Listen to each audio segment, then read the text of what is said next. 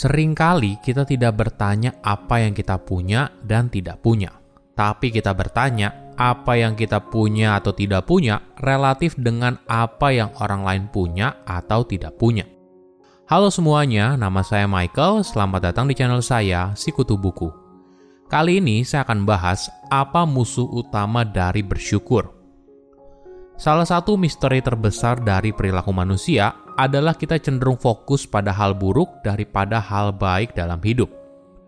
Ketika penerbangan kita mengalami delay, kita bisa marah kepada petugas dan kecewa karena harus menunggu lama. Tapi di sisi lain, apakah kamu tidak bersyukur kalau sekarang kita bisa terbang ke berbagai belahan dunia mana pun? Sama halnya kita meremehkan kesehatan yang kita miliki sekarang hingga akhirnya kita merasakan sakit. Rasa syukur yang sering kali identik dengan terima kasih atas hal baik dalam hidup memang tidak mudah untuk dirasakan.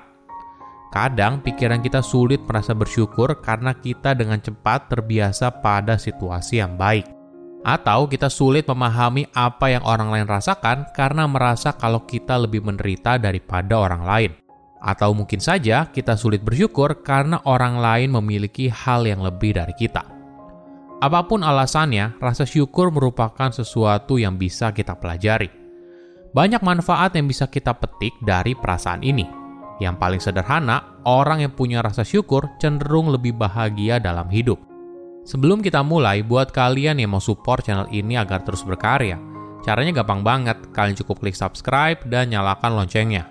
Dukungan kalian membantu banget supaya kita bisa rutin posting dan bersama-sama belajar di channel ini.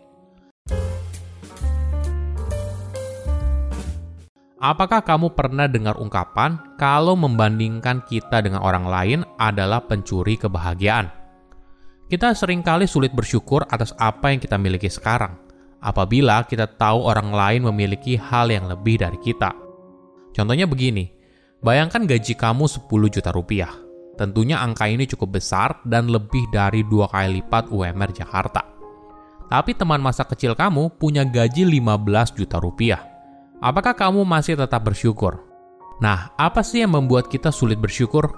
Pertama, mungkin alasan kita kurang bersyukur daripada yang seharusnya karena kita secara umum tidak peduli atas kesusahan orang lain. Kita merasa kesusahan yang kita alami sangat nyata, tapi apa yang dialami orang lain justru tidak tampak secara jelas. Apakah benar? Atau hal ini terjadi karena kita terlalu fokus pada diri sendiri? Alhasil, ketika orang lain berada pada situasi yang buruk, kita sulit berempati karena kita tidak memahami apa yang mereka rasakan. Kedua, kita terlalu fokus pada hal buruk dalam hidup yang sering kali dianalogikan sebagai headwind atau tailwind asymmetry. Buat kamu yang pernah naik sepeda atau berlari, kamu mungkin paham analogi ini. Ketika kamu berlari melawan arah angin, setiap momen terasa begitu berat. Kamu kesulitan untuk melangkah maju karena setiap langkah mengingatkan kamu kalau kekuatan alam sedang berlawanan dengan apa yang kamu inginkan. Pikiran kamu fokus pada momen tersebut. Tapi ketika kamu berganti haluan dan arah angin di belakangmu, kamu merasa begitu ringan. Kamu bisa berlari kencang tanpa banyak usaha. Kamu bersyukur atas situasi tersebut. Anehnya, tidak lama kemudian kamu seakan lupa kalau selama ini hembusan angin telah membantumu bergerak.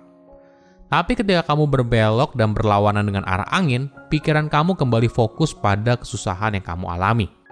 Hal yang sama sering kali terjadi dalam hidup.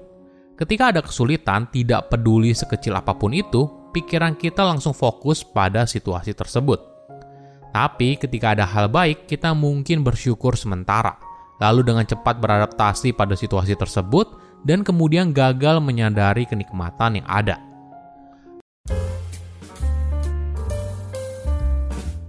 Rasa bersyukur seperti layaknya perasaan yang lain juga melibatkan perbandingan sosial. Seringkali kita tidak bertanya apa yang kita punya dan tidak punya.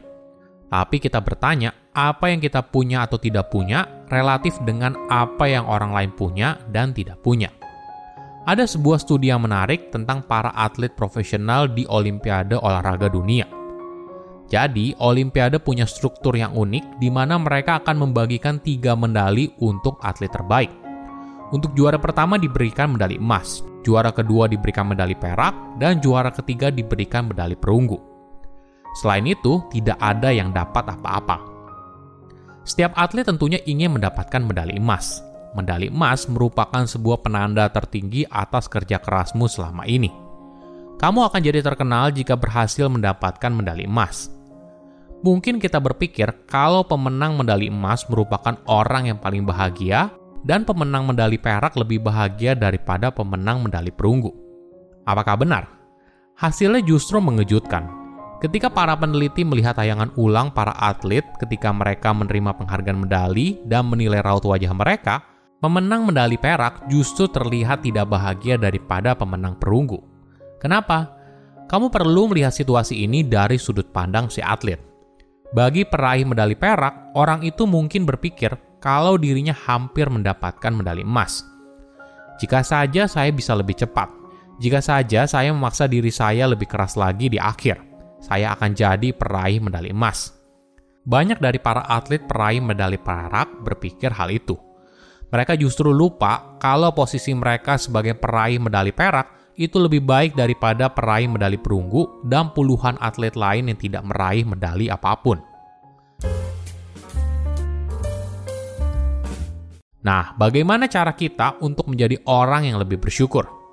Pertama, menyadari kebaikan dalam hidup. Apa yang membuatmu bersyukur? Apakah ada hal baik yang muncul dalam hidupmu sekarang? Apabila kamu jawab tidak ada, mungkin kamu tidak melihat ke arah yang tepat. Coba luangkan waktu 5 hingga 10 menit setiap hari, entah di pagi hari ketika bangun atau di malam hari sebelum tidur.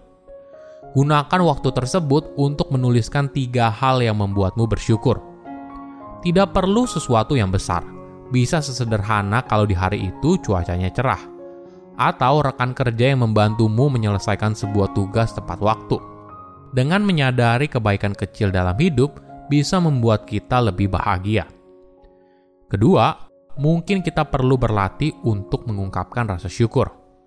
Banyak orang kesulitan melakukan ini, karena mungkin mereka tidak tahu bagaimana caranya. Bagaimana penyampaian yang tepat? Apa yang harus dikatakan kepada seseorang apabila kamu bersyukur atas kehadiran mereka dalam hidup kamu? Ternyata tidak penting bagaimana cara kamu menyampaikannya. Tapi mereka peduli kalau kamu punya keberanian untuk mengungkapkan hal itu kepada mereka. Seperti sebuah ungkapan, orang lain tidak akan ingat apa yang kamu lakukan. Mereka juga tidak ingat apa yang kamu katakan tapi mereka akan ingat bagaimana kamu memperlakukan mereka. Jadi, sesederhana apa yang kamu katakan bisa menyenangkan hati orang lain itu saja sudah cukup. Silahkan komen di kolom komentar pelajaran apa yang kalian dapat ketika tahu informasi ini. Selain itu, komen juga mau tahu informasi apa lagi yang saya review di video berikutnya. Saya undur diri, jangan lupa subscribe channel YouTube Sikutu Buku. Bye-bye.